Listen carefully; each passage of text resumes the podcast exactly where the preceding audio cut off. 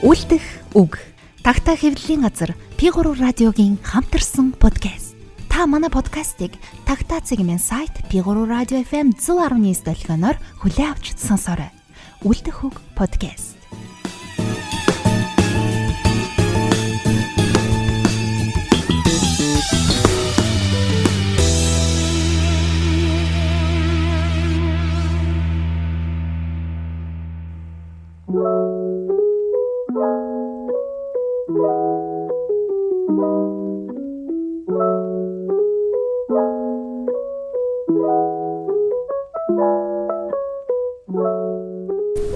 Сайн байцгаана уу сонсогчдоо. За тагтаа явууллын газар Монголын үндэсний олон нийтийн радиогийн P3 FM-тэй хамтран хүргэдэг Үлдэх үг уран зохиолын подкастны маань шин дугаар та бүхэнд хүрж байна. За өнөөдөр бид нэгэн сонирхолтой зочинтой энэ бол манай хэвлэлийн газраас тун саяхан одоо нээлттэй хийсэн Францын философч Аалан Бажуугийн хайрын магтмал магтмал хэмжигтэй гой номны орчуулагч аа за цэрэн балжрын инх хот гэж залуу байгаа. За тэгэхээр инх хот битээр өнөөдөр хайрын магтмал номынхаа тухай инх хотын сонирхдаг зүйл за философийн тухай инх хотын тухай бас ярилцах болно. Тэгээд сайн байна уу инх хотоо? Сайн сайн байна уу? Хойлоо нэвтрүүлгээ инх хотыг одоо яагаад одоо философи гэдэг зүйл одоо татах болсон юм бэ? Ер нь философтой яаж танилцв, яаж дурлав тэр тухайн ярьж эхлэе те. Философи ер нь яагаад өөрөө чинь илүү сонирхлыг татах болсон бэ? Бусад бүх одоо зүйлээс илүүтэй. Эхлээд бол философи бол нэг сонирхдаггүй байсан. Тэгээд ерөөдөө одоо ингээд Мойс Мойсыг төгссөн. Тэгээд Мойсийн оюутнуудыг ингээд ерөнхий байдлыг харангууд 2 1 2 3 дугаар курстэй ямар хүмүүс байдаг вэ гэхээр бүгд их одоо оршихуйн философиг баримталдаг хүмүүс эд бүгд сонирхдаг тий оршихуйн философи гоё юм байна. Тэг тэгдэг хүмүүс яг яг нэг тиймэрхүү байжгаад тэгээд би их сургууль 5 жил сурсан Тэгээд сургууль утлаг зохиол судлаач мэрэгчлэр төрсэн. Тийм тэгээд ерөөдөө яагаад 5 жил сурсан их яг муу сурдагтай болол биш л тий. Төгсөөд юу гэх юм мэдэхгүй. Тэгээд сунгаад явсаар байгаа. Тэгээд 5 жил сураад төгсөөд төгсчөөд ерөнхийдөө философи сонирхож эхэлсэн. Эхлээд бол лакан энтриг сонирхоод тэгэнгүүт айгуу сон сон юм ярэ тий ойлгохгүй тий хэл гэж юу вэ тий хэл одоо чи нэг жоохгүй хүн бол хизээш ганцаараа байдгүй гэл лакан гэж яагаад гэсэн. Хүн үргэлж одоо диалог хийж идэг дотроо. Тий үргэлж өрөөлтөө харьцаж идэг. Тэр өрөөл бол одоо хүний тэр хил юм а гэдэг ч юм уу тий ингээл эндээс эхлээл ерөнхийдөө философи сонирхож эхлээл ялангуяа Францын философи сонирхож эхэлсэн. Тэгээ цаашлаад ерөнхийдөө Делюс одоо Жил Делюс Мишель Фуко гэсэн хоёр философчийг судалж эхэлсэн. Тэгээд одоо энэ хоёртой бол ерөөхдөө дуртай болсон. Энэ хоёрынхоо философиг лавшруулан судалж байгаа гэх юм уу. Аа философи одоо уран зохиолын мэрэгчлээ хүн гэж шүү дээ. Уран зохиолыг яг давж философи одоо юугаараа сэтгэлэгч илүү татсан юм болоо тэр нь санамай л да. Би ч гэсэн ойр зүгээр яг чам шиг гүнзгий биш. А тэгтээ зүгээр хөвлөний төлчийн хуваар илүү философийн ном илүү төлхөө гаргах ч юм уу тиймэрхүү сонирхолтой болчиход байгаа. Аа философи ном юугаараа илүү татсан бэхээр одоо жишээ нь зарим философи номнууд ч юм уу надад жишээ нь уран зохиолоос илүү уран зохиол шиг санагддаг байхгүй. Жишээ нь Мишель Фукогийн одоо History of Madness тэг галзуурлын түүх гэх энэ номыг уншингууд тэг юм уран зохиолын ном хэл тэг өгүүлж байгаа зүйлс нь уран зохиолоос илүү тийм уран зохиол юм шиг санагддаг. Тэгээд нөгөөтэйгэр нэг зүйл нь юу юм бэ гэхээр философи илүү системлэг. Одоо жишээ нь Делиус гэдэг философч одоо ингэж хэлсэн байгаа юм л та. Философч гэдэг юу хийдэг хүн юм бэ гэхээр философч бол уянгийн дуучин биш ээ. Философч бол хашгирдаг хүн. Тэг юугаар хашгирд юм бэ гэхээр ойлголтын системээр хашгирдаг хүн. Тэгээд миний хувьд одоо ерөөхдөө философи юу нэлээд хаалж байгаа гэхээр тэр системтэй байдал нь тий. Би өөрийгөө нэг тийм хянаж хянаж юу гэх юм хянахыг амар тийм хүсдэг ч юм уу. Тийм тийм болохоор ерөөхдөө тийм согтөрөл гундаа юм ерөөс эргэлдэг байхгүй. Тэгээд тэгэнгүүт яг философингууд айгүй тийм зихцтэй, системтэй байгаад байгаа нь илүү таалагдаад сонирхдаг. Тэгээд тэрнээс өмнө бол ерөөхдөө уран зохиолоос хамгийн их хэрэг ерөнхий Достоевскийг их сонирхдаг байсан. Тэгээд солиотыг нь одоо хийдэж уншсан. Айгу дуртай байсан. Одоо болохоор уран зохиол нэг уншдаг унших цаг байхгүй ч юм уу. Тэгээ ганц уншдаг нэг бол Бекетийг л хаяа сөхөж харах туртай. Аа ер нь бол ингээд философи яах аргагүй нөгөө цэгцтэй гэдэг нь мэдлэгч тэр хүний нөгөө сэтгэх арга барил сэтгэлгээг ч гэсэн айгу цэгцэлж нэг журам шугамд оруулж өгдөг тий тэгээд хоорондоо уялдаа холбоотой явдаг. Нэг нөгөөгөө дэмждэг ч юм уу өгөөсгдөг баталдаг нотолдог тэр шурмаар явдаг болохоор яах аргагүй нэг оюун санааны одоо ийм үйлдэлд оролцож байгаа хүмүүс бол философт харахгүй дурлах байх гэж би бодоод байна л да.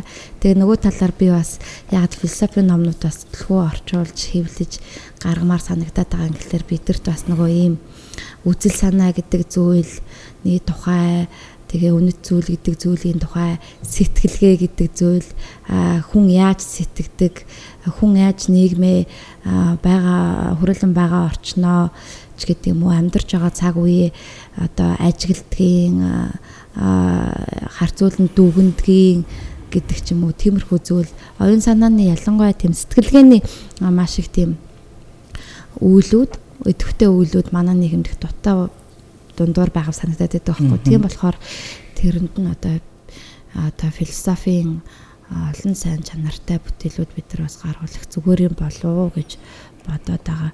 За тэгээд Инх од маань уран зохиол төгсөөд философор одоо ингээд өөрөө бие тааж мэрэгшээд явж байгаа хүн байна.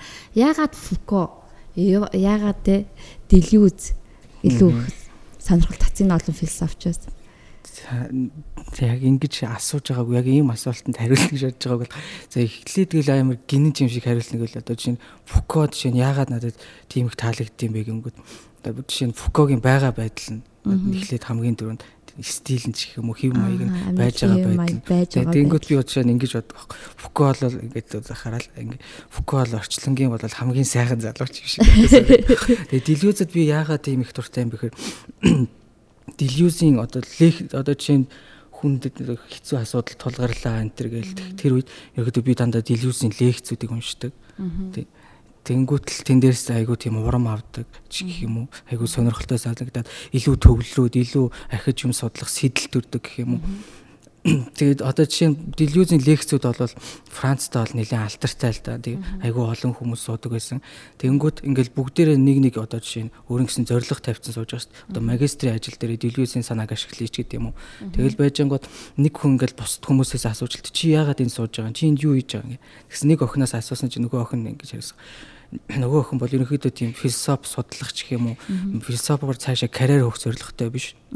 Би яагаад энэ сууд юм бэхээр Делюзийн философи, Делюзийн лекцүүд надад тийм амьдрах хүсэл амьдрах тийм уран зориг уран зориг. Делюз өөрөө юу гэхээр филос одоо хүмүүс ингэж боддоо шүү дээ. А философи гингүүд философи бол үхлийн талаарх эрх зүйл болж Үхлийн талаар эргцүүлнэ гэдэг нь философт ч нэ гэдэг тийм. Тэнгүүд дэлгүүз болохоор юу гэдэг юм бэхээр уучлаарай тийм философи бол үхлийн тухай биш ээ. Философи бол амьдралын тухай тийм. Тийм болохоор хүн тийм амьдрах урам зориг. Хүнд амьдрах power эрчүүч өгдөг ч юм. Тэр утгаар нь надад бол чинь аз жаргалыг өгдөг тийм. Тэгэнгүүт телевизийг уншаал ирэнгүүт цааш өөр юм чи биологийн ном ч юм унших юм уран зориг төрдөг. Юмыг айгүй тийм уран зоригтойгоор тайлбарлалт. Бас нэг жишээ нь юу гэхээр телевиз Францад нэг гоё юм ингээд одоо философичд нь ингээд жишээ нь төгслөө тийм философич мэрэгчлээ. За доктор хамгаалаад төгсөнгүүт шууд тэр хүмүүсийг яадаг вэ гэхээр ингээд можууд руу явуулцдаг. За чи очи 10 жилийн сургууль багш шиг Тэнгүүд Дэлгөөс ингээд очиод 10 жилийн сургууль багш хийж байгаа. Тэнгүүд нэг хүүхэд ерөөсөө хичээл их айгүй сонирхолтой байгаа тийм л тий. Хүний мөрөөдөл нь ундаг дугуйчин болох сонирхолтой. Төр ди Франц төрүүлэх хүсэлтэй. Тий. Зөвхөн тэрийгээ л бодож сууж. Тэгсэн Дэлгөөс нэг өдөр дуудаад тий. За маа чи энэ хоёр номыг унш тий. Нэг нь Ницшегийн, нэг нь Спинозагийн номыг өгөөд. Эндээс энэ энэ бүтэн номоор нь унш. Зөвхөн энэ энэ хэсгийг унш гэдэг гэсэн. Тэгээд маргааш чи семинар тавиараа гэдэг болсон. Тэнгүүд нөгөөх нь уншаад ирсэн. Тэгээд эцэст нь яасан бэ гэхээр нөгөө нэг одоо 10 жилийн сурагч нь явж явж яасан гэхээр дугуйч юм биш философч болсон. Тэгээд философч болоод хамгийн чухал нөлөө үзүүлсэн зүйл нь гэхээр Делиосийн тэр хоёр ном байсан. Зөвлөгөө байсан гэж тий. Делиос бол айгүй тийм сонирхолтой багш байсан. Ямар ч энгийн сэдвийг айгүй тийм сонирхолтойгоор юу хүнийг цаашаа дурлаж илүү цаашаа гүнзгийгээр судлахаар ярьдаг гэх юм уу. Аа мэдлэг дурлуулж чаддаг багш байна тий. Тэр утгаараа Делиусэд айгүй сонирхолтой. Одоо юмыг жишээ нь надад асуудал тулгарлаа ойлгохгүй байгаа зүйл гарч ирлээ тий. Энийг би яаж ойлгож болох вэ? Тий. Ямар ойлголтоор харж болох вэ гэдгийг жишээ нь ерөөдөө би бол гол төлөв бүх юмыг Делиусийн философоор хардаг. Фукогийн философийг ашигладаг гэдэг. Аа. За одоо хоёлоо нөгөө хайрын магтуу гэдэг номныхоо тухай яриа л да. Ален Бажиу гэдэг энэ философчин хайрын магтуу гэдэг зохиолыг бид нар сонгоогүй орчуулагч маань өөрөө сонгож өөрөө орчуулсан тий. За тэгэхээр ягаад энэ зохиолыг за эхний шалтгаан нь болохоор одоо орчин үед яадаг болсон бэхээр хүмүүс зузаан ном унших болсон тий. Зузаан ном унших болсон. Одоо жишээ нь манай нэг найз хэлж байгаагаар одоо цааш тий бүр яаж ч магадгүй нэг хүмүүс ном уншихгүй байх Хүмүүсийн одоо уншсан номыг сонсох байх тийм хүмүүс ингээ бэлэн ингээс уншаад тэрийг сонсох байх. Эсвэл хүн номны талаарх подкастуудыг тийм тухай тийм тийм гардаг гэж ярьдаг подкастуудыг сонсох байх. Ном унших нь ер нь бүр багасах байх гэж.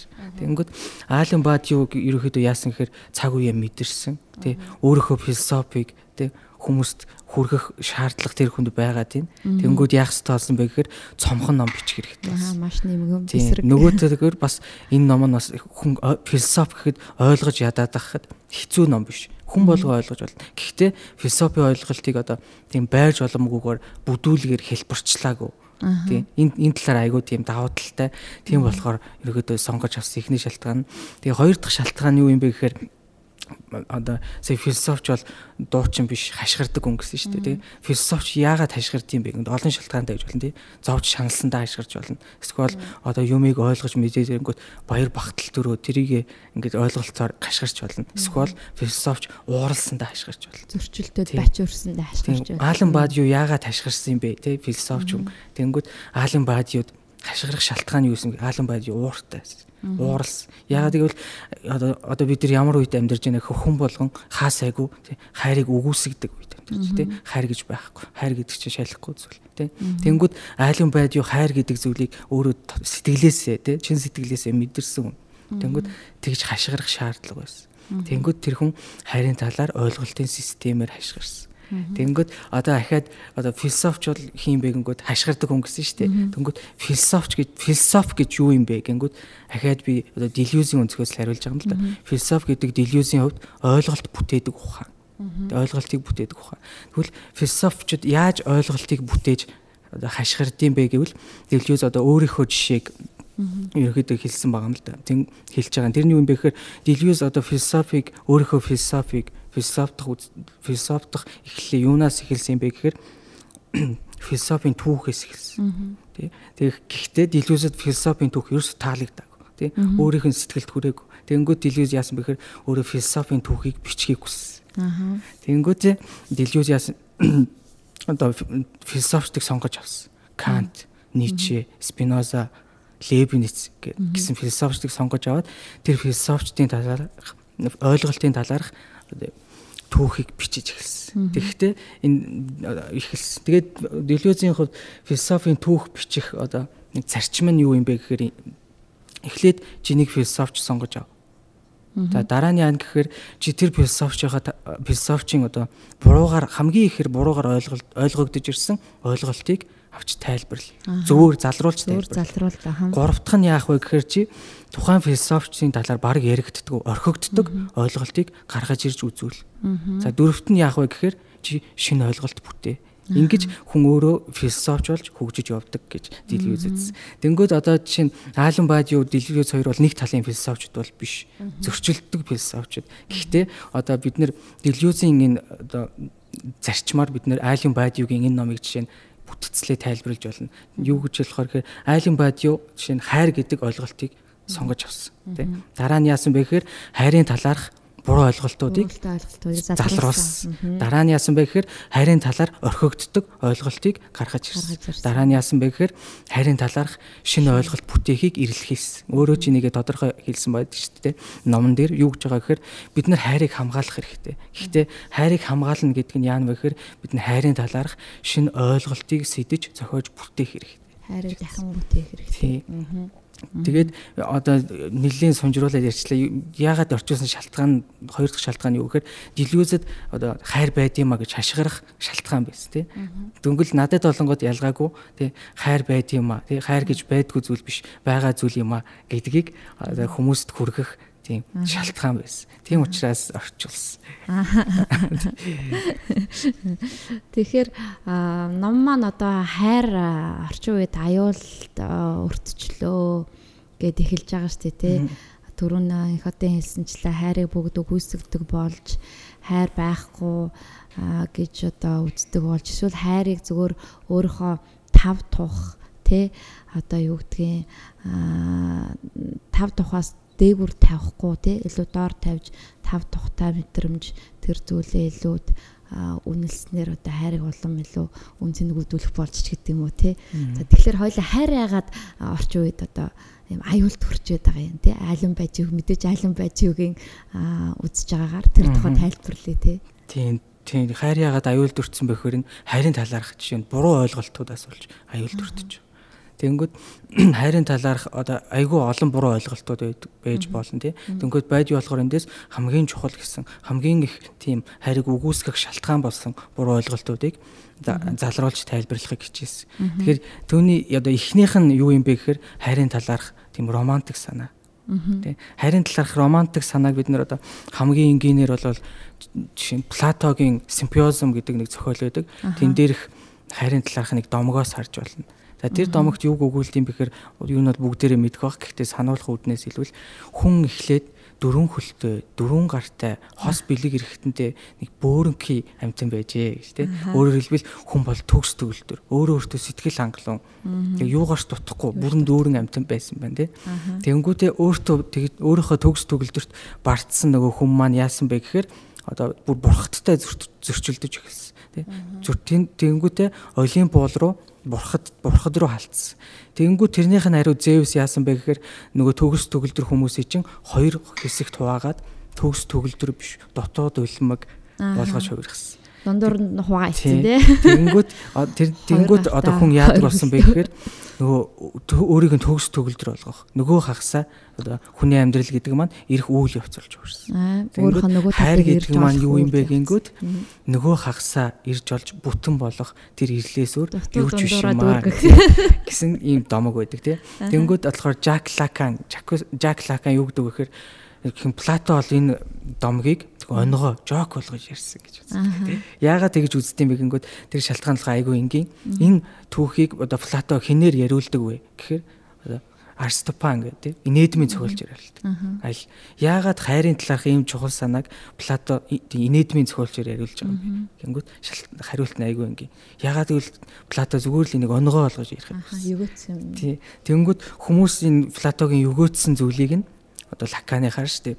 Тийм жинхэнэ бодит зүйл болгож хүлээж авч эхэлсэн. Хайрыг болоод Тэнгүүд одоо дүүрэх зүйл гэж романтик санаанаас юу гарч ирдэг вэ гэхээр хоёр зүйл гарч ирдэг.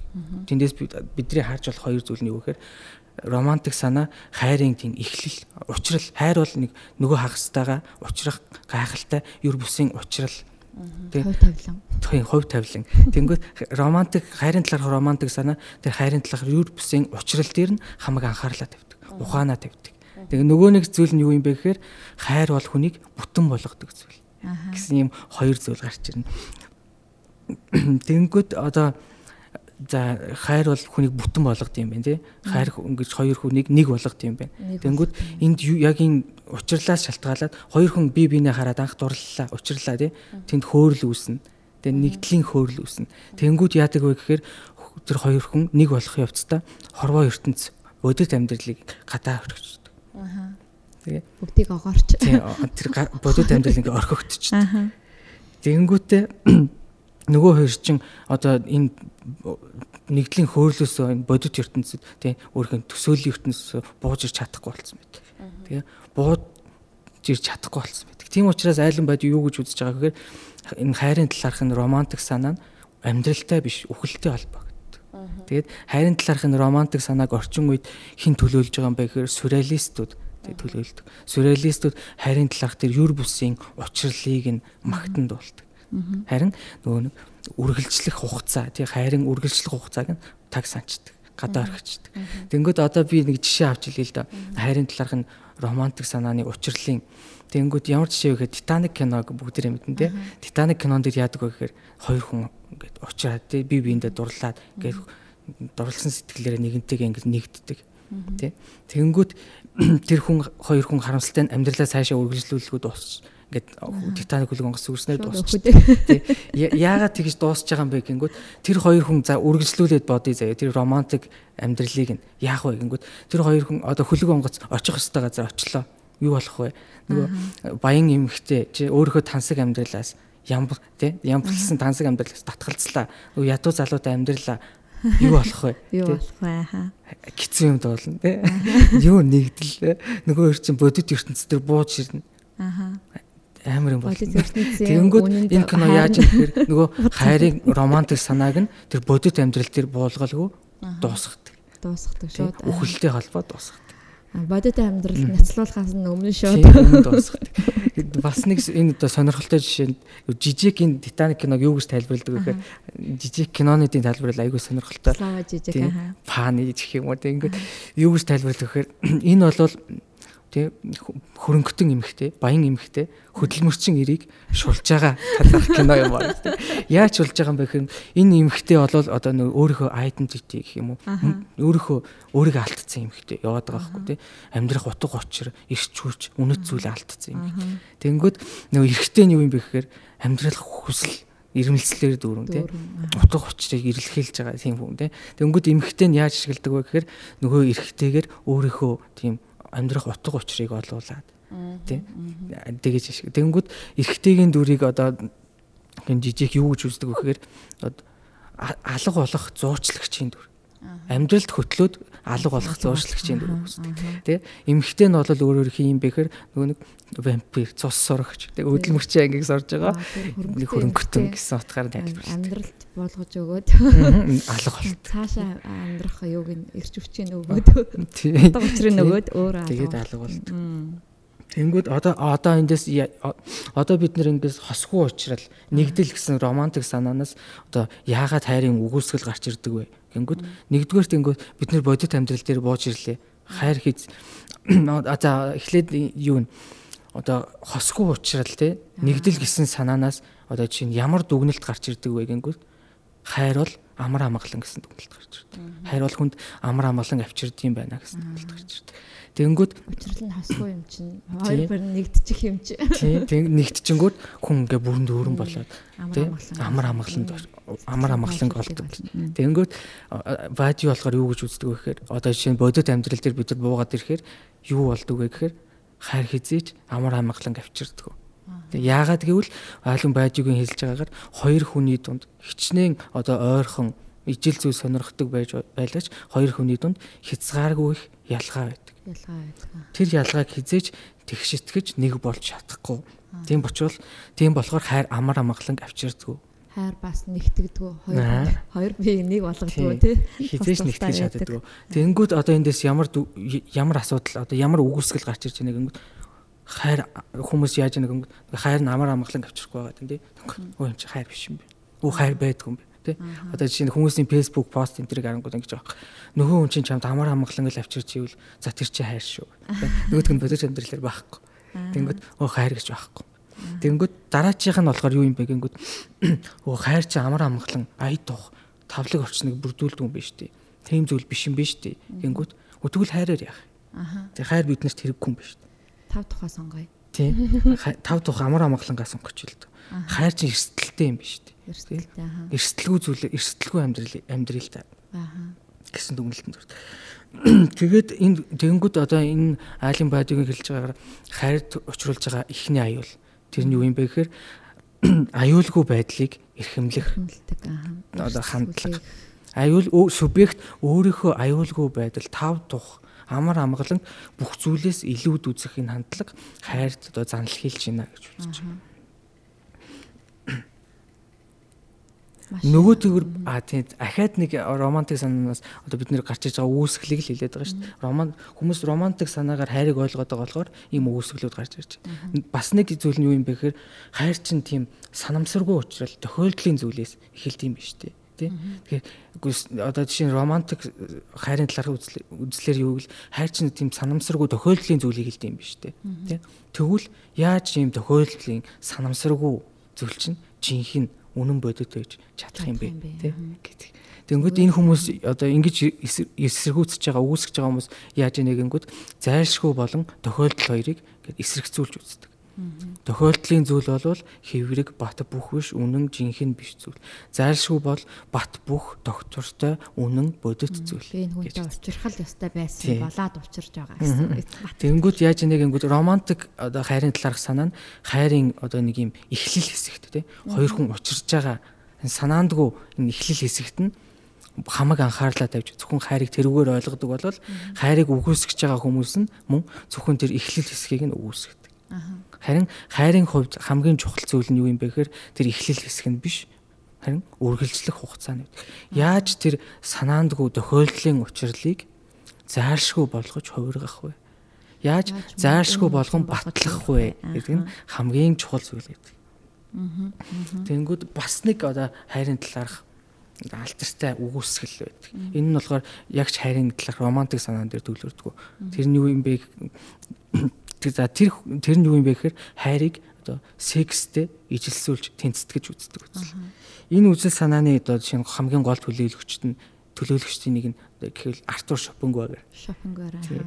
Тэгээ би бол энэ Шопенгауэрыг миний хувьд бол хүмүүс яагаад уншдаг ойлгохгүй. Хамгийн тийм ойготмар философи гэж санагддаг. Тэгээд Зам хүсэл гэсэн үү? Тэг ингээд Шопенгауэр бол юу гэж үздэг юм бэхээр романтик хүмүүсээс өөрөөр гол нь гэвэл мань хүн мэддэг хайр бол эрсдэлтэй мэддэг. Хайр бол хэцүүг мэддэг. Тэ цаашлаад бүр мань хүн ингэж үздэг хайр бол аз жаргалгүй болгодог гэж үздэг. Тэ Тэнгүүд одоо жишээ нь хүний амьдрал за зөвхөн хүний амьдралд биш амьд организм бүхэн хамгийн чухал зүйл нь юу юм бэ гэхээр аз жаргал биш. Юу юм бэ гэхээр амьдрах хүсэл үүдэг хүний амьдралыг, организмын амьдралыг удирдах байдаг зүйл нь амьдрах хүсэл. Тэнгүүд хайр гэдэг зүйл тэр амьдрах хүсэлд үйлчлдэг. Тэнгүүд бид нар чинь мөнх мөнх бус тий тодорхой цаг хугацаанд амьдардаг. Тэнгүүд бид нар тийм амьдрах хүсэл байгаад байдаг. Тэгвэл тэр амьдрах хүслээ хүн яаж бийжүүлдэг вэ гэхээр бэлгийн үйл ажиллагааны тусламжтайгаар хүүхдээр бийжүүлдэг. Хөөрчхөн. Тий. Хүүхэд бол хүний амьдрах хүслийг гэж мөнхжүүлдэг, хадгалдаг зүйл гэж байна. Тэгээ хайр бол энэ зорилгод үйлчлдэг. Аа. Одоо хөрчхөн зорилгод л үйлчлдэг. Тэнгүүд одоо романтик санаа бол хайр бол нэгтгэдэг гэж байгаа шүү дээ. Тэнгүүд Шопенгауэр эхний хэсэгт хайр бол нэгтгэдэг гэдгийг үгүйсгсэн атлаа тий хоёрдугаар шатанд одоо зөвшөөрдөг. Тэрний үг жаам бэхээр хайр бол хоёр хүнийг нэгтгэдэг. Юугаар нэгтгэдэг юм бэ гэхээр хүүхдээр нэгтгэдэг. Хүүхэд нь аав ээжийнхаа амьдрах хүслийг бийжүүлэн нэг болгон нэгтгэж гарч ирдэг гэж үздэг. За тэгэнгүүт Аалан Баажуу энэ санааг яаж ницааж яаж залруулт юм бэ гэнгүүт энд одоо Лаканыг урдаардаг Жак Лакан. Жак Лакан нь болохоор юу гэж үздэг юм бэ гэнгүүт одоо энэ болохоор бас нэлийн алдартай тийм мэдгдэл гэх юм уу гэж байна тийм. Бэлгийн харилцаа гэдэг юм байдгүй маа тийм. Бэлгийн харилцаа гэж байхгүй гэж мэдгдэж байна. Тийм. За дөнгөд одоо бид нэр гайхаж байгаа тийм хүн болгон л жишээ нь бэлгийн харилцааны талаар ярьдаг болцсон нийгэмд энэ хүн юу яриад байгаа юм бэ? Бэлгийн харилцаа байхгүй ч гэсэн. Юу гэсэн үг юм бэ? Тэнгүүд лакан болохоор юу гэж үзэж байгаа юм бэ гэхээр хүн бэлгийн үүлийн үеэр нөгөө хүний нөгөө хүнээрээ дамжуулан өөрөө өөртөө харилцдаг. Өөр хүний биеийг дамжуулан өөр өөргөө л мэдэрдэг. Өөрийнхөө таашаалтай харьцдаг. Өөрөөр хэлбэл энэ бол хоёр хүний харилцаа биш зөвхөн өөрөө өөртөөгөө харьцаж байгаа харилцаа. Нарциссист үсэлнэ. Тий. Нарциссист мэдрэмж. Нэг хүний биеийг ашиглаж нөгөө хүн өөртөөгөө харилцаж байгаа мэдрэх аа. Тий гэж үзэж байгаа. Тий. Тэнгүүд бэлгийн үйл энэ утгаараа бол жишээ нь бэлгийн үйл бол хоёр хүнийг холбогдгүй. Харин ч тус тус тусад нь ойлгож байлгаж тусгаарладаг тий. Өөрөө өөртөөгөө харьцах боломжийг өгдөг Тэр утгаараа сексийн дараа асар их хоосрал мэддэг. Тийм, сексийн дараа хоосрал хоосрал үүсдэг. Харин хайр болохоор хоёр хүний дунд харилцааг бий болгодог, холбодог. Тэгэхээр юу гэж юм гэхээр хайр бол тэр бэлгийн үеийн байхгүй байгаа харилцааг хоосон дүүргэж харилцааг яг гэхдээ нөгөө романтик утгаараа биш тодорхой хэмжээнд харилцаа үүсгэж тэр хоосрлыг дүүргэж хоёр хүнийг холбодог Аа тэр хайрын үед бол хоёр хүн бие биенийхээ харилцан бие биенийхээ оршихуй руу илүү ханддаг болов тий. нөгөө хүндээ ханддаг тий. Зөвхөн өөртөө биш. оршихуй дээр бол ханддаг. Тэнгүүд одоо эндээс бид нэр ямар дүгнэлт хийж болох вэ гэхээр одоо нөгөө секс бол секс хайр хоёрыг ижилсүүлээд байгаа хүмүүс нь юу гэж үзэж байгаа гэхээр секс бол зүгээр л хайр бол зүгээр сексийн өнгөн тал тий өнгөн тал тий сексийн нэг бүрэлдэхүүн хэсэг гэж үзэж байгаа байхгүй. Тэнгүүд бади болохоор яг лаканыг уртаа бариад юу гэж байгаа вэ гэхээр эсрэгээрээ тий секс бол одоо жишээ нь Алан бадиу лакан дээр сексийг ор үгүйсгээгүй тий бэлгийн үлийг энэ бол хайраас тусдаа хайрт багтахгүй тийм хамаагүй зүйл биш гэж үзээгүй тий секс бол хайрын нэг хэсэг нь нэг бүрэлдэхүүн хэсэг нь элемент нь болохоос эсэргээрээ биш гэж үүсгдэг. Хайр сэтгэл бол үргэлжлэх хугацаанд тэр хүс бэлгийн дур хүс мөслө дотроо багтаага хангачдаг.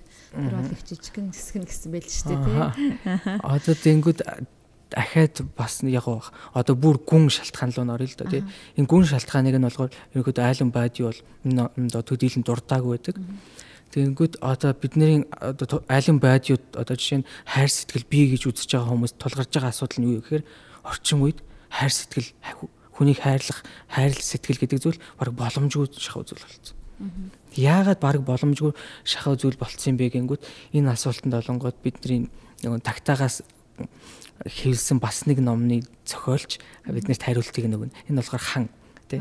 Одоо тамирчсан нийгмийн зохиолч философч хан тий. Хан биднэрт хариултыг нэг хан одоо жишээ нь тамирчсан нийгэмдээжсэн хан айгу тодорхой бичсэн байгаа л да. Орчин үеийн нийгэмд юу байхгүй болцсон юм бэ гэнгүүт өрөөл нөгөө хүн өөр хүн гэдэг зүйл байхгүй болсон.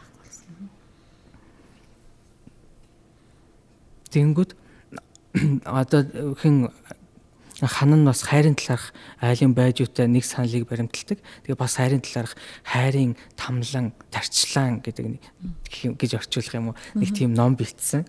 Хайрын бурхан юм байна. Тэнгүүд тэр номонд юу гэж үздэг вэ гэхээр орчин үеийг одоо юу гэж тодорхойлдог вэ гэхээр орчин үе бол ижилслийн там. Ижилслийн там. Өрөөл өөр хүн гэдэг зүйлийг байхгүй болгочихсон там. Тэр нийгэмд ямар хүмүүс амьдарч юм бэ гингүүд нарциссист хүмүүс. Тий нарциссист хүмүүсийн хувьд юу жишээ нь утга учиртай болд юм бэ гингүүд тухайн хүн жишээ нь альва зүйлээс зөвхөн өөрийгөө тий өөртөө холбогдох зүйлийг өөрийнхөө сүүдрийг өөрийнхөө тусгалыг олж харж байгаа нөхцөлд тухайн зүйл утга учиртай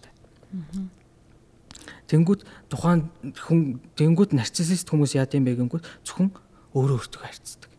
Өөрөөр хэлбэл орчин үеийн нийгэм тийм outside гадаад гэж зүйл байхгүй. Бүх зүйл тэр нарциссист хүний дотор байна. Бүх зүйл дотор нь олж идэг. Тэр өөр хүнийг өөрөөлийг танин мэдэх тухай ойлголт байхгүй болсон. Байхгүй болсон. Зөвхөн өөртөө хандна, өөртөө хорогдно. Тэнгүүд одоо нөгөө хан бас юу гэж хэлж ийнэ гэнгүүт одоо жишээ нь орчин үед хамгийн түгээмэл сэтгэл зүйн асуудал юу юм бэ гэнгүүт депресс тий. Тийм аа юу сэтгэл готрол. Тийм за депресс гэдэг чинь тэгвэл юутай холбоотой юм бэ гэнгүүт энэ бол нарциссист төвч. Аа. Тий зөвхөн өөрөө өөртөө төвлөрсөн. Тий өөрөө өөрийгөө л бүхнээс илүүд үздэг. Өөрөө өөрийгөө юм болгоноос олж хардаг. Өөрөө өөрийгөө юм болгонд авч үздэг. Өөртөө л хорогддог. Өөрөөсөө гарч чаддаггүй хүмүүсийн өвчин гинэ. Тэгээ депресс нэцсэстэй юм төрөгдөг гэхээр нэг нэг өөртөө бүр живж дуусгах хүргэдэг тийм тамирдж цөхөрч гутарч дуусгах хүргэдэг харин хайр эсэргээрээ яадаг вэ гэхээр хүнийг өөрөөс нь гаргаж ирж идэг. Өөрөөс нь холтуулж идэг. Одоо жишээ нь ханы хэлж байгаагаар бол өөрийнх нь үгүйсгэл болж гарч ирж идэг. Өөрөөр хэлбэл харин баадиугаар хэлж байгаагаар л хайр бол өөрөөсөө урахыг шаарддаг. Тийм хайр бол уралтыг шаарддаг. Илүү гоё сайхан хүн байхыг олж нээж байна. Тэгэнгүүт одоо би нэг ханы номноос нь номынхын хэсгээс нэг хоёр өгүүлбэр уншиж өгөл тоо. За депресс гэдэг маань тий хайрын боломжгүй одоо боломжгүй байдлыг илэрхийлдэг. Хайрлах боломжгүй байдлыг илэрхийлдэг. Депресссэн хүн хайрлах чадахгүй байна. Депресссэн хүн юу гэж хэлдэг вэ гэнгүүт ингэж хэлдэг. Би эхлээд өөрөө өөрийгөө хайрлах хэрэгтэй би өөрөө өөрийгөө хайрлахгүйгээр бусдыг хайрлах. Цантаа мантаа гэдэг хэлдэг юм шүү дээ монголоор. Би тийм би өөрөө өөрийгөө л хайрламаар байна гэж хэлдэг тийм. Тэгээ энийг нь бас эсрэгээрээ яаж юм гэхээр хайрлах боломжгүй болчихсон нөхцөлд депресс хүн хүнийг депресс хөтэлдэг.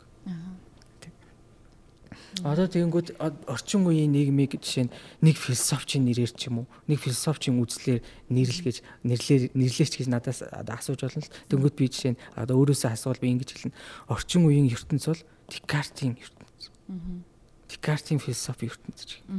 Тэгэхээр Декарт юу гэж үздэг вэ гэхээр Декарт одоо ингээд бясалгал гэдэг бүтээлдээ бүтээлээ юу гэж эхлүүлдэг вэ гэхээр за би бол одоо тийм айгуу тийм бардамгүй байдлаар би бол одоо 90 цент хүрсэн. Одоо бол би жинхэнэ философи алаад өгнө. Нэг тиймэрхүү өнгөөсөө эхлэл. Тэгээ яаж би алж өгөх юм бэ гингүүт одоо би юм болгонд эргэлцсэн тий. Яахаараа би юм болгонд итгэх хэвээр. Би юм болгонд эргэлцсэн. Тэгээ эргэлзэж явж байгаад би эндээс би юунд хүрэх юм бэ гингүүд эргэлцхийн аргагүй тийм суур зүйлийг олж авах хэрэгтэй. Үнэн бодит зүйлийг олж авах хэрэгтэй. Тэнгүүд Декарт бүх юмд эргэлцсэн. Тэгээ тэр байтга өөрийнхөө би бод тий махбодонд ч эргэлцсэн. Тий философч гэдэг нь нөгөө хашгирдаг хүн гэсэн шүү дээ. Нөгөө Декарт бясалгал бүтээл дээр ингэж хашгирт. Надад би бод байхгүй гэж гэртэл хашгирдаг тий. Өөрийнхөө би бодод хүртэл эргэлцдэг. Тэгээд явж явж юунд төрсөн бэ гэхээр би эргэлцэж байна. Тэгээ би эргэлзэж чинь гэдэг чинь юу гэсэн үг вэ гэхээр би бодож чинь гэсэн үг. Өөрөөр хэлбэл Декартийнхаар эргэлзэн гэдэг маань бодох үеийн эхлэл, бодох үеийн үндэслэр. Тэгээ би эргэлзэж чинь, би бодож чинь. Тэгээ би бодож байгаа юм бол би байгаа юм биш. Тэгээ би байгаа юм биш гэсэн дүгнэлт. Тэгээ эндээс Декарт яаж нэгэнгүүт Декарт өөрийнхөө оршихуйг батлаад ирдэг.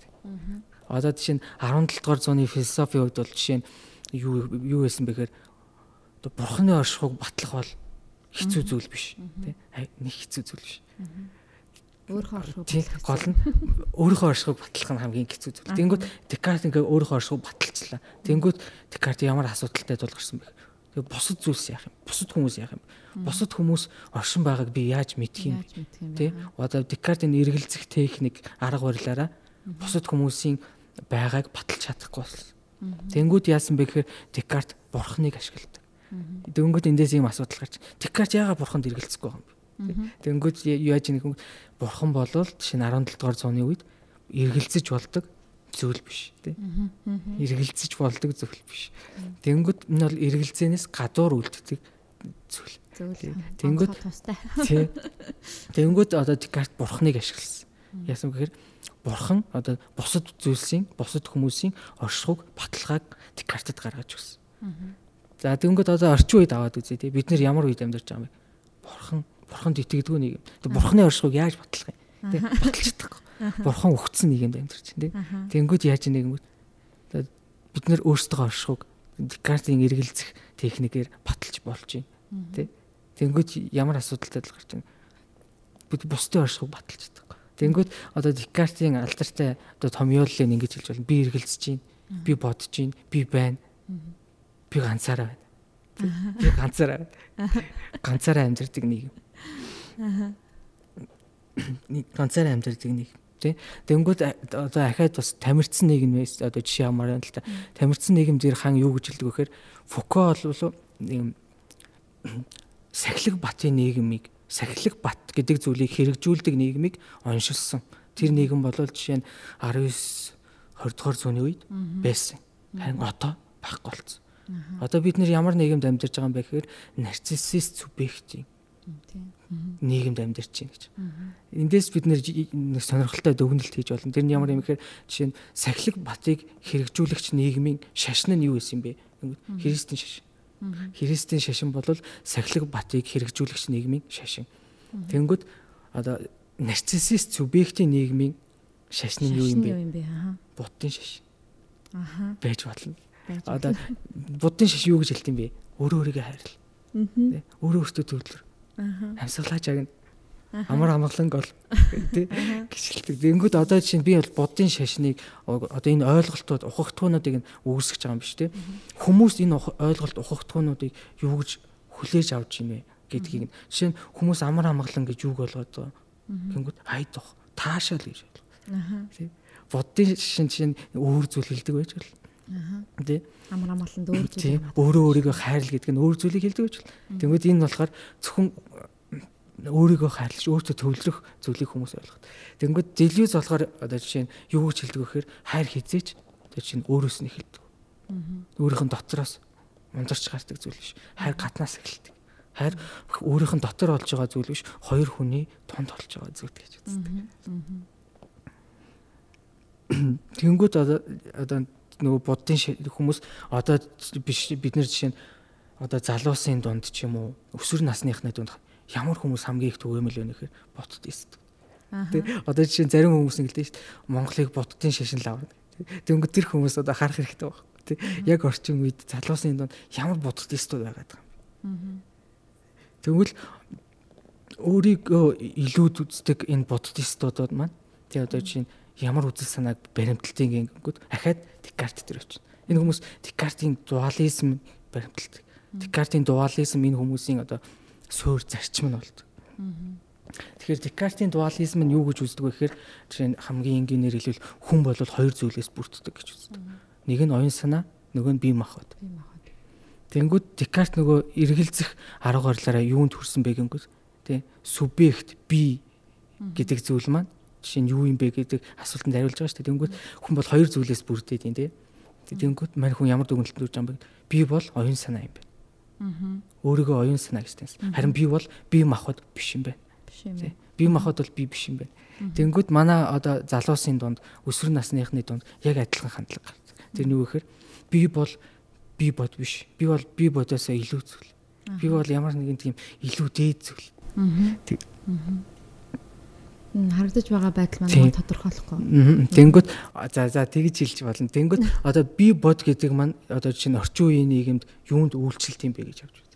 Тэнгүүд хүний би одоо тэр хүмүүсийн ч юм уу чинь би бод орчин үеийн нийгэмд юунд үйлчлдэг капитализмын детерминизмд үйлчлэлт. Капитализмын хуулийн дагуу тэр хүмүүсийн би ажилтдаг. Тэр нь ямар хууль юм бэ? Капитализм жишээ нь орчин үед юу хэлдэм? Капитализм бол хүнд ч юу ч тушаадгүй. Сахарын тушаах өнгө айсбэдгүй. Ганц л гэдэг. Тэр нь юу гэхээр зугаац цэнг. Тэгээ капитализмын ганц одоо сахарын тушаах өгүүлбэр нь зугаац цэнг. Тэнгүүт одоо жишээ нь бид нэр сая ковидын үеэр нэг зүйлийг амар тодорхой харсан. Жишээ нь Америкт юу болсон бэ? Хүмүүс ковидос болж өөд болж исэн. Тэнгүүт хүмүүсийг ингээд яаж эхэлсэн? Тийм тусгаарлаж эхэлсэн гэр гэртээ байхыг зөвлөж эхэлсэн. Тэгсэн Америкт юу болж исэн бэхээр далайн ирэг дээр хүмүүс парти шоу. Тэгээ шоуны цаг нь багхгүй. Яа тэнгүүт тэр хүмүүс яаж ийн вэ гингүүд тэр хүмүүсийн бие махбод нь энэ капитализмын энэ детерминизмын хуулийг зөрчиж чадахгүй. Тэ тэгж зөрчсөнд орвол тэ үхсэн энэ дэр тий ковид тусаад өгсөн дэр ягаад гэвэл тэр хүмүүсийн бие махбод капитализмын детерминизмээр тодорхойлогдож байна. Тэг тэг тэгснээс одоо хүн жишээ нь бие махбод хянахын оронд тий капитализмын солиорол цугац ингээл өгснэн дээр гэж үзсэн. Тэнгүүд одоо яаж нэгингүүд эндээс ийм асуудал гарч байна. Одоо жишээ нь Декартийн мораль үзэл тийм ёс суртахууны үзэл нь юу гэж үздэг вэ гэхээр Хэрвээ чиний бие махбод дур зоргоороо үлдчихвэл оюун санаа сүнс чинь зов. Тэ. Харин оюун санаа сүнс чинь үлдчихвэл бие махбод чинь зов. Тэгэхээр Декартийн мораль ёс суртахууны ёсоор яах ёстой вэ гэхээр чи оюун санаагаараа бие махбодоо захирах ёстой. Бие махбодоо дарангуулах ёстой. Цагдаж хорих ёстой. Тэнгүүд орчин үед Декартийн энэ мораль хэрэгжих боломжгүй болоод ирсэн. Ягаад гэвэл хүмүүс би махад хийж чадахгүй тий зугаацсан бүх зүйл хүмүүсийг зугаацсан гэд өөрөөлж татчихна тий Тэнгүүд хүмүүс яасан бэ гингүүд одоо Декартийн моралаар ингээд би махад нь дур зоргоороо үйлдээд эхлэнгүүд яах вэ? Хүний оюун санаа сүнсэн зов тий Декартийн моралаар Тэгэхээр хүмүүс ямар арга хэмжээг авсан бэ гингүүд жишээ нь энэ жишээ нь би махадын дур зоргын үйлдэл нь сүлдө төвчгөө арга болж ирсэн. Тэнгүүд хүмүүс ямар арга хэмжээ авсан бэхээр тийм трансцендент орчин бүрдүүлж эхэлсэн. Өөрөөр хэлбэл би бол бие махбодоос илүү зүйл. Би бол энэ нийгэм энэ капитализмаас илүү зүйл. Би бол тэр трансцендент энэ нийгмээс хитийдсэн нэг газар байгаа оюун санаа гэсэн нэг тийм хоосон хуурмаг орон зайг бий болгож аваад тэндээ хорогдож эхэлсэн. Тэгээ окей миний би ингээд капитализмд үйлчлэлт юм байж. Тэ. Гэхдээ би бол тэр чинь биш шүү. Аа. Өөрөө өөртөө тэгэж хэлж эхэлсэн. Одоо бид нар метаверс гэдэг технологитой болж байгаа те бүр гоё. Өөр өөртөө тэгэж хэлсэн. Тэнгүүд одоо яа гэхээр хүн зөвхөн тэгээ би махад орол бусдтай харилцдаг. бусдтай холбогддог. Бие махбод нь л ингээд нийгэмтэй хутгалтдаг. Тэнгүүд нөгөө нэг оюун санаа одоо өөрийнх нь нөгөө нэг илүүд үзээд байгаа сүнс нь өөр газар гэж. Би наач хамаагүй шүү. Тэгээ тэндээ хүн зөвхөн өөр өөртөө харьцдаг. Ийм тэгэд ийм нийгэмд хайр боломжгүй болоод ирж байгаа. Тийм болохоор ихэн айлын байд юу хашгирч. Хайр биднийг энэ ганцаардлаас энэ зөвхөрлөөс чөлөөлөх нэгэн тийм боломжит зүйл юм шүү. Тийм. Тэшаш хашгирч. Тийм.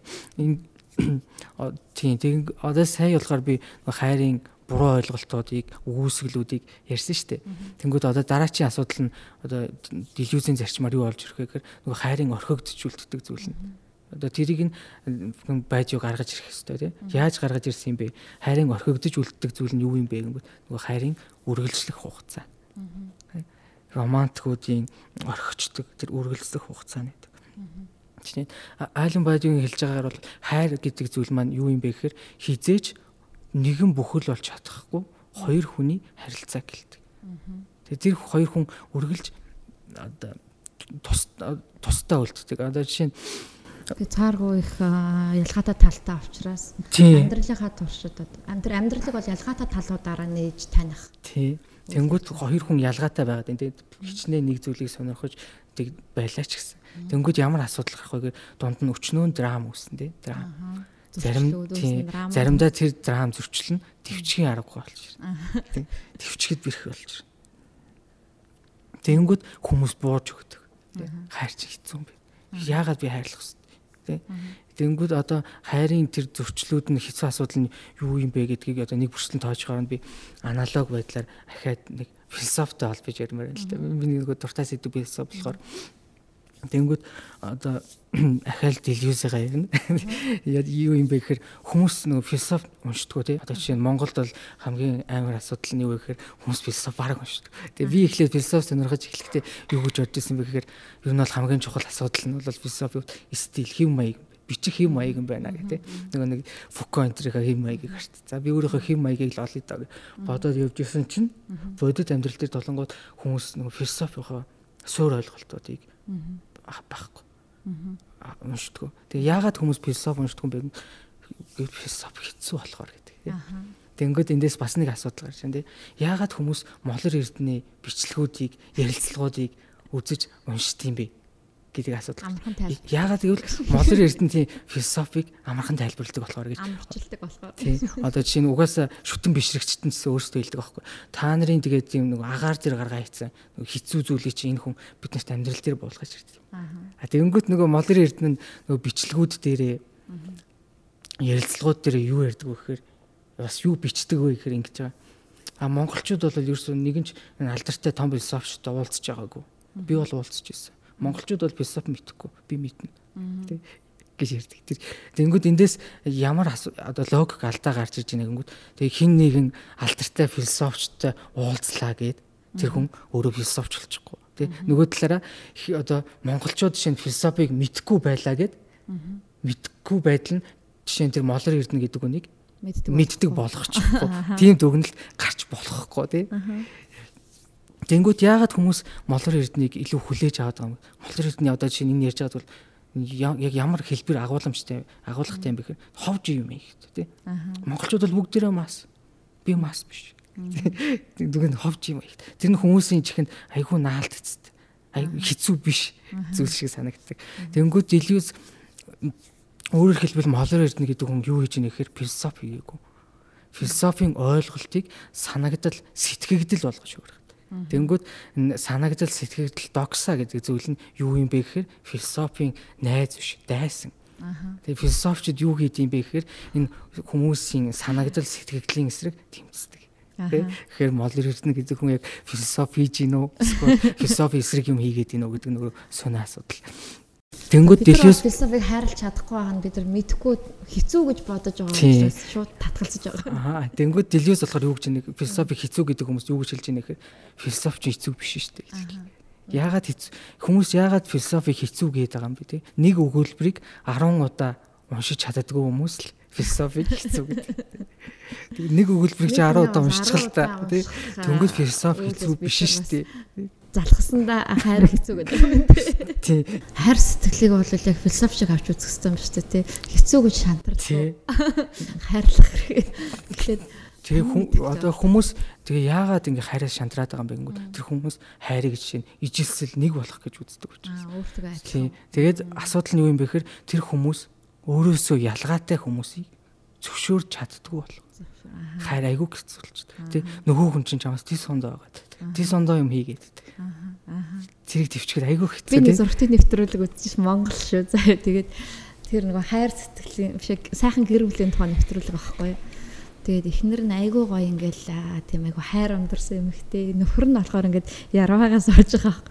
Тэгээд эхнэр нь одоо гэр бүл нэгчнээ сайхан одоо агуу хайр ундарсан гэр бүл болох тухай яриад нөхөр нь тэгсэн чинь эсэргээрээ хичнээн хэцүү болох тухай ярьдаг байхгүй. Тэгсэн чинь тэр нөхөр болохоор жишээ нь манай бит хоёр одоо маш өөр хүмүүс аа тэгээд жишээ нь би бол аа юу шүдний шүдэ угаахтаа зөвхөн 0-доо л угаадаг толныхоо өмнө. Тэгтэл манай эхнэр шүдний сайзаа бариад хаас аягүй явж идэг гэд. Тэгээ аягүй тэгэнгүүт чи энэ хүн болохоор бас нөгөө би бодчихсон аахгүй. Эхнэр нь одоо ингээд муу мухатай биш те. Өөр байгаа байдал нь энэ хүнд маш хэцүү зүйл болоод тэгээд нөгөө эхнэрийнхээ батлан яриад байгаа хайр сэтгэлийг өгөөсгөн өгөөсгөн суугаа юм байдаг бодчихсон. Тэнгүүд одоо нөгөө хайрын үргэлжлэх хугацаа гэдэг нь юу хэлээд байгаа юм бэ гэнгүүт? нөгөө ялгааны үднээс нэг зөвхөн нэг нэг нэг хүний нүдээр биш тийм хоёр хүний нүдээр ертөнцийг харах ертөнцийг даван туулахыг хамтдаа даван туулахыг л.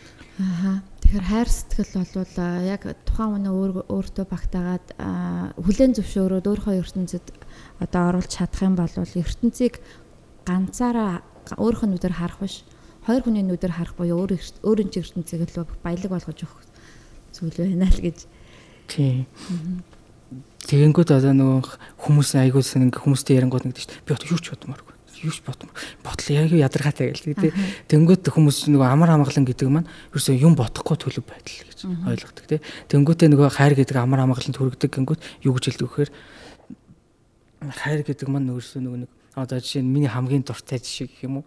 Нэг манай нэг ардын орон зохиолч хэлсэн байгаа тийм юу гэж хэлсэн бэхээр хоёр хүн нэг нэгэ хайрлажлаа гэхэд чи эмгтэй хүнийг юм бодох хүртэл нь битгий цав. Тэгээ энэ энэ нь юу гэж байгаа юм бэ гэнгүүт эмхтэй хүн бол нэг юм бодоод хэрэггүй тийм. Тэгэл эрэгтэй эрэгтэй хүндээ эрхлээл тийм тав тухтай ая тухайг эрхэмлээл байж явах хэрэгтэй. Тэнгүүт энэ нь болохоор эмхтэй хүн юм бодохгүй байхаа амьдрах хэрэгтэй гэсэн. Тэнгүүт энэ юу гэж байгаа айгуу тийм анти феминист үзэл тийм үслийг өөрийн мэдгүй авчдаггүй шүү дээ. Декартын ойлголтоор эмгтэй хүн бүр юу гэсэн үг те? Яаж яага хүн юм бодохгүйгээр өшөх гээд байгаа тийм. Тэгээ эмгтээчүүдийг тийм нэг амтналаг ертөнцтэй хотгохдаг тийм ирш эр хүнийг мөн чанарыг эрхэмлэх үзлээс гарч ирсэн нэг юм үг байна. Тэнгүүд хайр гэдэг нь болохоор тийм амар амгалан биш. Харин хамтдаа бодохыг хэлдэг. Тий хамтдаа бодно гэдэг чинь бол айгүй хэцүү зүйл шүү дээ чи ганцаараа нэг юм бодож байна. Тэнгүүд нөгөө хүн ч өөр бодолтой байна. Энэ хоёрыг яаж зэрэг хамтд нь багтаах вэ гэдэг маань хайрын нөгөө үргэлжлэх хугацаа тэр орон зайг хэлээд. Тэгэхээр алин бажи бол бид нар нөгөө эхлэлийн сэтгэл хөдлөл хөөрөлтөөл илүү их төвлөрөөл хайрыг одоо яг тэр хэсэгт нь авч үзээд байдаг. Хайр гэдэг бол яг тэр санаандгүй учрлаар учирсан эхлэлийн хэсгийг яаж одоо юм санаандгүй учрлаа тий яг юм мөнхийн зүйл болгож хувиргах тэр үнэн болгож хувиргах тэр уртын урт тий үйл явцсан юм аа процесс нь юм аа гэдэг шүү дээ тий. Тэр хугацаанд одлын юм үзэн, олон нар ам үзэн тэр тэрийг тэр хугацаанд нөгөө тесч үлдэх, даван туулж чадах гэдэг маань өөрөө хайрын үнэн болж өгсөн шүү дээ тий. Тий, тэг яаж даван туулж чадах вэ? Хайр маань зөвхөн зөвхөн мэдрэмж биш тий. Ботл чи бодож иж альва зүйлийг хадгалж үлдэж чадна тий. Хайрыг авч үзэх үлдэх процесс нь бол айгүй олон хэцүү зүйлийг шаардна. Чи тэр болгоныг тэг бодох хэрэгтэй бол. Нөгөө хүнтэйгээ харилцаж ярилцаж нөгөө хүнийхээ хэлж байгаа ярьж байгаа зүйлийг ойлгох хэрэгтэй бол. Тийм одоо эндээс гэхдээ бас нэг буруу ойлголт төрж магадгүй. Юу юм бэ гэхээр хайр өөрөөсөө урахыг шаарддаг гэдэг гэж байгаа шүү дээ. Тэнгүүд энэ юу гэж байгаа юм бэ? Нөгөө хайр гэдэг маань нөгөө хүнийхээ нүдээр хорвоо ертөнцийг харахыг хэлдэг. Тэгээ нөгөө хүнийг бүрэн дүүрэн танихыг хэлдэг гэж ойлгож байна тий. Тэнгүүд энэ нь болохоор юу гэж байгаа юм бэ гэнгүүт бас л нөгөө нэг хайрыг нэг гэж үзэх хандлагаар болж. Энэ нь яаж байгаа юм гэхээр зөвхөн өөрийгөө өөрийгөө алга болгоод нөгөө хүнийг л одоо эрхэмлэж байгаа үзэл тий. Одоо энэний нөгөө эсрэг үзэл нь болохоор юу вэ гэхээр өөрийгөө нөгөө хүндээ тулгадаг үзэл. Өөрийнхөө үзэл санааг нөгөө хүндээ тулгадаг үзэл адилхан юу вэ гэхээр хүчрхийлэл тий. Нэг болохоор өөрийнхөө үзлэр нөгөөгөө хүчрхийлэх эсвэл эсвэл тийм нөгөөд болохоор нөгөө нөгөөгийнхөө төлөө өөрийгөө огоорох. Нөгөөдөө өөрийгөө хурааж нэг болгох гэж үзээд байгаа. Тэнгүүд аалан гэсэн тийм санаа гарч ирнэ. Аалан байж болохоор юу гэж байгаа гэхээр хайр хизээч нэг байдгүй, хоёр тусдаа зүйл. Хоёр хүн хизээч нэг болохгүй гэдэг маань би хизээч нөгөө хүнийхээ нүдээр ертөнцийг харж чадахгүй. Тийм зүйл боломжгүй. Би тэр ялгаатай а тэр ялгаатай байдлуудыг дундаа авч хэлэлцээд ямар ямар тохиолдолд алийг нь ялгах вэ гэдэг. Тийм болохоор нөгөө байж юу гэж байгаа болохоор хайр бол одоо хоёр сцен, хоёр үзэгдэл. Нэг үйл явдлын талаарх тий.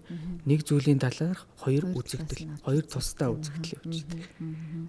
Тэгээ одоо жишээ нь хайрыг нэг болгох гээд байгаа хүмүүс чинь улс төрийн үзэл санаагаар хэлвэл тотлоцаар хүмүүс тий дарангуулагч хүмүүс дарангуулагч зөвхөн нэг үзэл санаагаар нэг бусдыг нь хурааж нэг үзэл санаанд бусдыг нь хурааж нэг бүхэл болгох гэсэн үзэл. Тэнгүүт байдгийн хувьд хайрын хувьд хамгийн чухал зүйл нь юу юм бэ гэхээр ялгааг багтааж үзэх юм байна. Ялгаатай байдлыг хүлээн зөвшөөрөх. Тийм. Одоо жишээ нь Декартийн ертөнцид хүн юунд хүрэх вэ гэнгүүт Декартийн ертөнцид хүн ертөнцийг таньж чадахгүй Зөвхөн өөрөө өөрийгөө л таньж чадна. Өөрөө өөрийгөө хязгааргүйгээр таньж чадна. Тэгээд өөрөө өөрийгөө хязгааргүйгээр танин мэдэх нь юунд төтөлдөг гэхээр депресс төтөлдөг. Тэ тэнгүүд хайр гэдэг маань хоёр зүйл, хоёр хүний харилцаа гэж үзэнгүүт яах вэ гэхээр хайр хүнийг тэг мэдлэгт танин мэдхүй төтөлдөг. Танин мэдхүй төтөлдөг. Би ертөнцийг өөрийнхөө зөвхөнүүдээр биш нөгөө хүнтэйгээ хамтаар ертөнцийг харж эхэлдэг. ертөнцийг нөгөө хүнтэйгээ хамтаар танин мэдэж эхэлдэг. Зүгтаа боддог. Тэгэхээр хоёулангийн ярианаас бол эхлээд хайраас битгий айж бэргээ бас хайрыг битгий ай туухаа одоо юу гэдгийг эрсцэлгүй аюулгүй байдалтайгаа адуураа хайрт одоо хайр эрсдэлтэй а бас аюултай гэдгийг мэдээд гэхдээ хамгийн гол нь тэрнтэй зөрөгтэйгээр нөөр тулах хэрэгтэй гэж. Тий. Яагаад эрсдэлгүй зүйл сонирхолтой гэж тий. Эрсдэлтэй аюу тий аз туршсан зүйл сонирхолтой. Тэр утгаараа хамгийн эрсдэлтэй зүйл чинь хайр байж болно шүү дээ, тий. Чамайг бүр өөрийгөө үүсгэхэд хүрэж байгаа зүйл, тий. Бүр тэгж ярих юм бол бид нар бүр энэ эрсдлүүдийг бүр шинээр бодож олж нэмж зохиох хэрэгтэй гэсэн байсан шүү дээ. Хайрыг улам аюултай, улам эрсдэлтэй болгох хэрэгтэй гэдэг. Одоо жишээ нь юу шинжлэх ухаантай төсөөрхүүлээд хэлэх юм бол одоо лабораторид тэгээ туршилт хийж байгаа хүн байнгын эрсдэлтэй байж байгаа тийм байнгын аюулт байж байгаа мөн байнгын шаргуу хөдөлмөр хичээл зүтгэлийг шаарддаг. Тэрнтэй адилхан хайр хүнээс хичээлтэй зүгээр сууж идэл хайр чинь бүтээд явчихгүй. Үргэлж ийм хичээл зүтгэл тий чи үргэлж өөрийнхөө хувийг хичээсэн байдлыг байдлаас татгалзна гэдэг бол маш хэцүү тий. Тэнгүүд үргэлж хүнээс хичээл зүтгэлийг шаарддаг. Үргэлж хүний ялгаатай байдлыг хүлээн зөвшөөрөхийн тулд хүн маш их зүйлийг ойлгож бодох хэрэгтэй. Тэнгүүд ингээд эргээд ярингууд хүн хайрлахын тулд яс ярингууд философи хэрэгтэй. Тэгээд за тэгчээ бас тэр хувь тавилан ч юм уу болцмол зүйл биш. Санамсаргүй учралдаа итгэх хэрэгтэй. Санамсаргүй учрлын тэр сайхан те өөрөөр хэлбэл санамсаргүй учрна гэдэг чинь хувь хүмүүс ямар ч нэг болцолгүйгээр те энэ надтай ийм ижлэг сонирхолтой ийм хөрөнгөтэй ийм мөнгөтэй ийм адилхан боловсралтай гэхгүйгээр санаандгүй учирч байна. А тэндээс бол ялгаанууд гарч ирнэ. Тэр ялгааг бол хоёр хүний үүднээс даван туулах нь бол амьдралыг илүү гоё баялаг сонирхолтой болгож өгдөг зүйл юм аа. Тэгээ тэр санамсралгүй учирлынхаа үндсэн дээр тохиолдож байгаа тэр олон ялгаагаа ингээд хоёр талаасаа даван туулж одоо амьдралынхаа туршидтэй тэр хайр сэтгэлтэй үнэнч тэсч үлднэ гэдэг чинь төлөө үнцэнтэй юм а гэж тиймэрхүү зүйлд одоо хүмүүсийг бас урам зориг өгсөн байх гэж бодож байна те. Үзэл санаанд. Харин хүмүүсийг тийм зүйлд хөтлөх зорилготой ном байх тий. Түүнээс ёо ингээл дундаа дундаа явж исэн чинь 10 жил амьдрал дундаа орж исэн чи өө энэ ч ямар надаас өөр хүүхэн бэ? За боли боли өста хэцүү юм бэ гэх биш аа өөр гэдэг зүйл ялгаатай байдал гэдэг зүйлийг ойлгоод өөрийгөө харилцааныхаа төв юм уу эсвэл бүх зүйл болохгүйгээр тэгэж туулах хэвээр шүү. Тэгвэл хайр сэтгэл чинь тэсчүүлднэ гэх гэдэг шүү дээ тий. Их хорангуугаар. Тэнгүүд одоо нэг орчин үеийн хүмүүс гингүүд өнгөрсөн цаг үеийн хүмүүс шал өөр дэвшилтэд хүмүүс гэл хүмүүс ярьдэн шүү дээ. Тэнгүүд одоо чинь хайрын ойлголтын дээр бид нэр гарч ирэнгүүд бас арайч тийм биш юм байна гэсэн дүгнэлт. Юу гэж нэг гингүүд одоо хүмүүс нөгөө хайрын тэр учрлыг санаандгүй тохиолдлыг өгөөсгöd байгаа шүү дээ. Тэгэнгүүт яг хүмүүс яаж өгөөсгөж эхэлдэг вэ гингүүд нэг тэр санаандгүй тохиолдлыг нь үгүй хийх гэж оролддог. Болцмолт. Тий. Болцмол зүйл тооцоолж болдог зүйл болгох гэж хөргөд.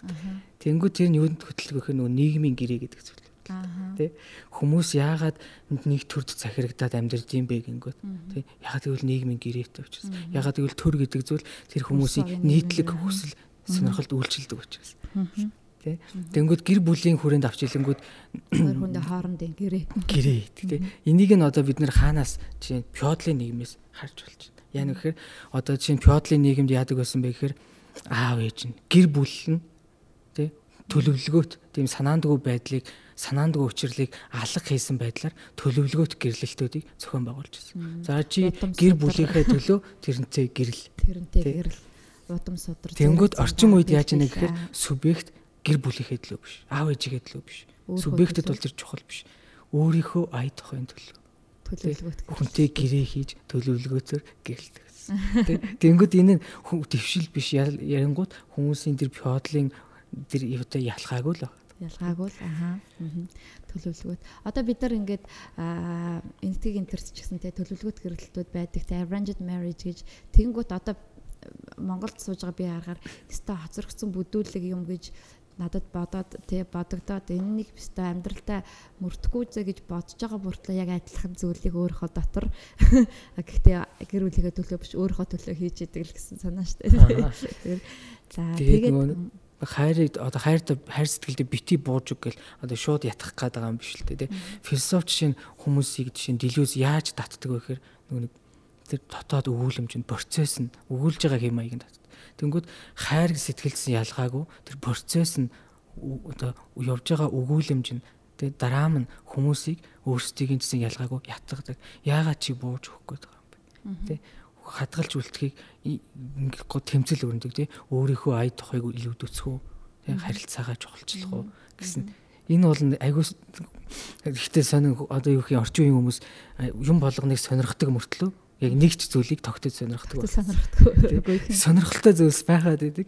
Тэрэн дээр анхаарал нь төвлөрдөг.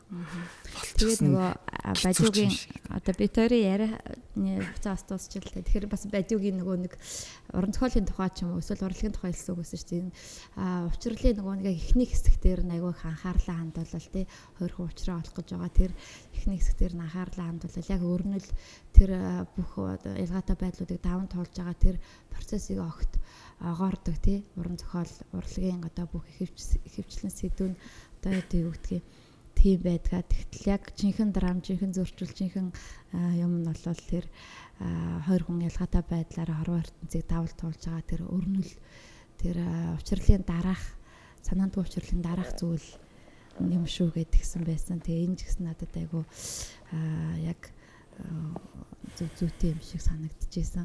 Аа за тэгээд энэ хотыгоо бид нар бас дараагийн бүтээлүүдээр нь дараагийн номуудаар нь а одоо дараагийн подкаст та тий урьж оролцуулах байхаа гэж бодож байна. Тэгээд сонсогчтой одоо хайрын магтуугийн дараа ямар ном дээр ажиллаж байгаа тий тэр тухайгаа хэлээ. Тэгээ хойлоо яриагаа жаргах уу. За тэгээд ямар ном дээр ажиллаж байгааг орчуулад бол дууссан л та. Хайрын магтууч чинь ер нь баг 2 жилийн өмнө шахаа орчуулсан баг. Тийм анх анх удаа ном орчуулж үзчихсэн. Тэгээ ер нь бол ном орчуулъя гэж юусе бодож байгааг байгаад орчуулсан. Гэхдээ өөрийнхөө хувьд бол айгүй олон удаа засч янзалсан. Тэгээ засч янзал дуусчаад За болчлоо доо гэж бодож ирсэн. Тэгээд хөвлөгдөөд гараад ирчихсэн номнаас юу харсан бэ гэхээр болоогүй чи хангалтгүй чи засах юм зөндөө байж тэрийг манай редакторууд маань хангалттай засаж янзалж өгч чадчих гэж. Бас нэг талархах сэтгэлээ илэрхийлээгүй байгаад тэгээд редакторууд баярлж гин талархаж гин тийм тэгээд дараагийн ном гэвэл ерөнхийдөө миний одоо нэг хамгийн гол сонирхдаг философч гэсэн. Тэр нь болохоор Deleuze Foucault. Тэгээд одоо Тэнгүү Делиус Фуко хоёр зэр юу ямар зүйл одоо уншихад асуудал болдог вэ гэхээр жишээ нь Делиусыг уншихад өөр хэл сурах хэрэгтэй болдог тийм гадаад хэл сурж байгаа юм шиг. Шинэ хэл сурах хэрэгтэй. Делиусийн хэл. Тийм. Делиусийн философи одоо угаасаа орчин үед яадаг болсон гэхээр нэг тухайн философчдын толь бичгүүд гараад ирдэг болсон. Делиусийн философийн толь бичиг, Мишель Фукогийн толь бичиг. Тэнгүүд Делиусийн философиг одоо жишээ нь хэлийг нь ойлгохгүйгээр ойлгох нь айгүй хэцүү. Аа Тэгэхээр одоо юуны төрөнд бид нэр одоо жишээ нь хүмүүс шууд одоо Deleuze-ийн anti-edific тий edific-ийн эсрэгийг шууд уншиж эхлэх гэдэг. Ойлгохгүй шүү дээ. Тэгээ уншиж ойлгохгүй зүйлийг хүмүүс уншиж эхлэнгүүд яадаг вэ? Тухайн философичийн талаарх буруу санаа сэтгэгдлүүдтэй үлддэг. Нөгөө доксатай үлдчихдэг. Тэгэхээр тэрнээс бид нэр яаж сэргийлэх вэ гэхээр одоо тухайн философичийг талаарх философичийн ойлголтуудыг бүр бүдүүлгээр хэлбэрчлаагүй мөртлөө хүмүүст тодорхой хэмжээнд ойлгогдох болгосон бүтээлүүдийг танилцуулах хэрэгтэй гэж ойлгоод эхний ээлжинд Делюзийн нэг танилцуулга бүтээлийг орчуулсан. Тий орчуулсан байгаа тий. Тэгээд тэндээ би болохоор бас хид хідэн зүйлийг одоо тайлбарлахыг оролцсон. Тэр нь юу юм бэ гэхээр одоо Deleuze Foucault-ыг юу гэдэг вэ гэхээр пост модерн модернист философч гэж. Тий. Тэнгүүд пост модерн философч гэнгүүт пост модерн гэнгүүт араас айгүй олон тийм мифийг дагуулж идэг. Ямар миф юм бэ гэхээр а пост модернистууд бол үннийг үгүйсгдэг. Аа пост модернистууд бол шинжлэх ухааныг үгүйсгдэг. Нэг тийм зураар хүмүүс байдаг гэж. Тэгтээ тэнгүүд одоо Делюзийн жишээн дээр аваад үзье. Делюз үннийг үгүйсгдэг юм уу гэдээ аваад үзэнгүүт яг энэ хүмүүс юуг үгүйсгдэг юм бэ жишээ нь үнэн гэдэг зүйлээс Делюз Делюзийн философоос жишээ нь одоо үнэн гэдэг манд жишээ нэг л зүйл байж л байдаг зүйл биш. Харин үнний талаарх онолууд байдаг. Тэгэнгүүт Делюзийн философоос жишээ нь одоо хамгийн ерөнхий ойлгогддог үнний талаарх нэг онол байдаг. Тэр нь болохоор үнний таарамжийн онол. Тэгээд Делюзийн философи яадаг вэ гэхээр үнний тэр таарамжийн онолыг шүүмжилдэг. Үнний таарамжийн онолыг хангалттай биш гэж үздэг. Тэгэхээр Делюзийн философи үннийг үгүйсгдэг. Харин үнний талаарх онолыг үгүйсгдэг. Тэгэхээр бид нэр үнний талаарх онолыг яагаад тэг шүүмжилж болохгүй гэж. Харин ч шүүмжлэх хэрэгтэй. Одоо дараачийн зүйл нь юу гэхээр үнний талаарх онол жишээ нь улс төрийн онолд яаж нөлөөлд юм бэ? Тэ? Тэр зүйлийг нь бид нар авч үзэх хэрэгтэй. Тэнгүүд орчин үеийн төлөөллийн ардчлал гэдэг маань юун дээр суурилт юм бэ гэмүүд үнний талаарх таарамжийн онол дээр суурилт. Тэгэхээр бид нэр үнний талаарх таарамжийн онол дээр суурилсан одоо онолыг шүүмжлэх заваар энэ орчин үеийн төлөөллийн ардчлалыг шүүмжилж байна.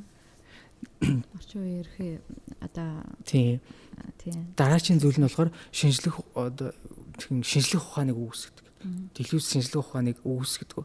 Тэгэхээр одоо Делюс Фуко энэ шинжлэх ухааныг үүсгэдэг гэдэг хүмүүс өөрсдөө ямар үзэл баримтлалыг баримталдаг вэ гэхээр шинжлэх ухааны талаарх уламжлалт үзэл санааг баримталдаг. Тэр нь ямар үзэл санаа вэ гэхээр одоо жишээ гэж за хүмүүнлэг нийгмийн ухаан болвол тий тодорхой хэмжээнд хувь хүний тухайн институтийн институцийн ч юм уу субъектив хандлагыг идеологийг илэрхийлэх магадлалт боломжтой байдаг. Харин нийгмийн ухаан болохоор жишээ нь биолог, физик зэрэг нь цэвэр фактыг өгүүлдэг, баримтыг өгүүлдэг. Цэвэр объектив мэдлэгийг өгүүлдэг гэж үздэг.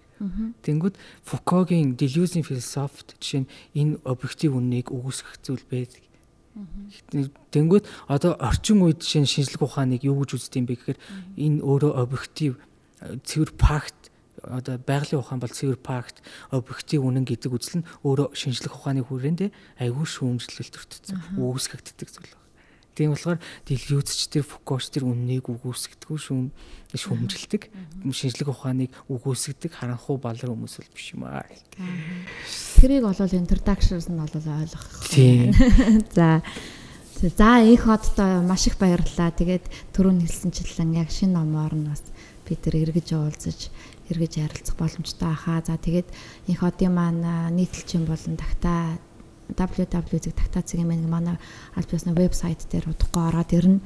Тэгээд тэргээр бас бичвэрүүдтэй нас уншигчд маань хамт байгаарай гэж хэлмээр байна. За энэ ходдоо маш их баярлалаа.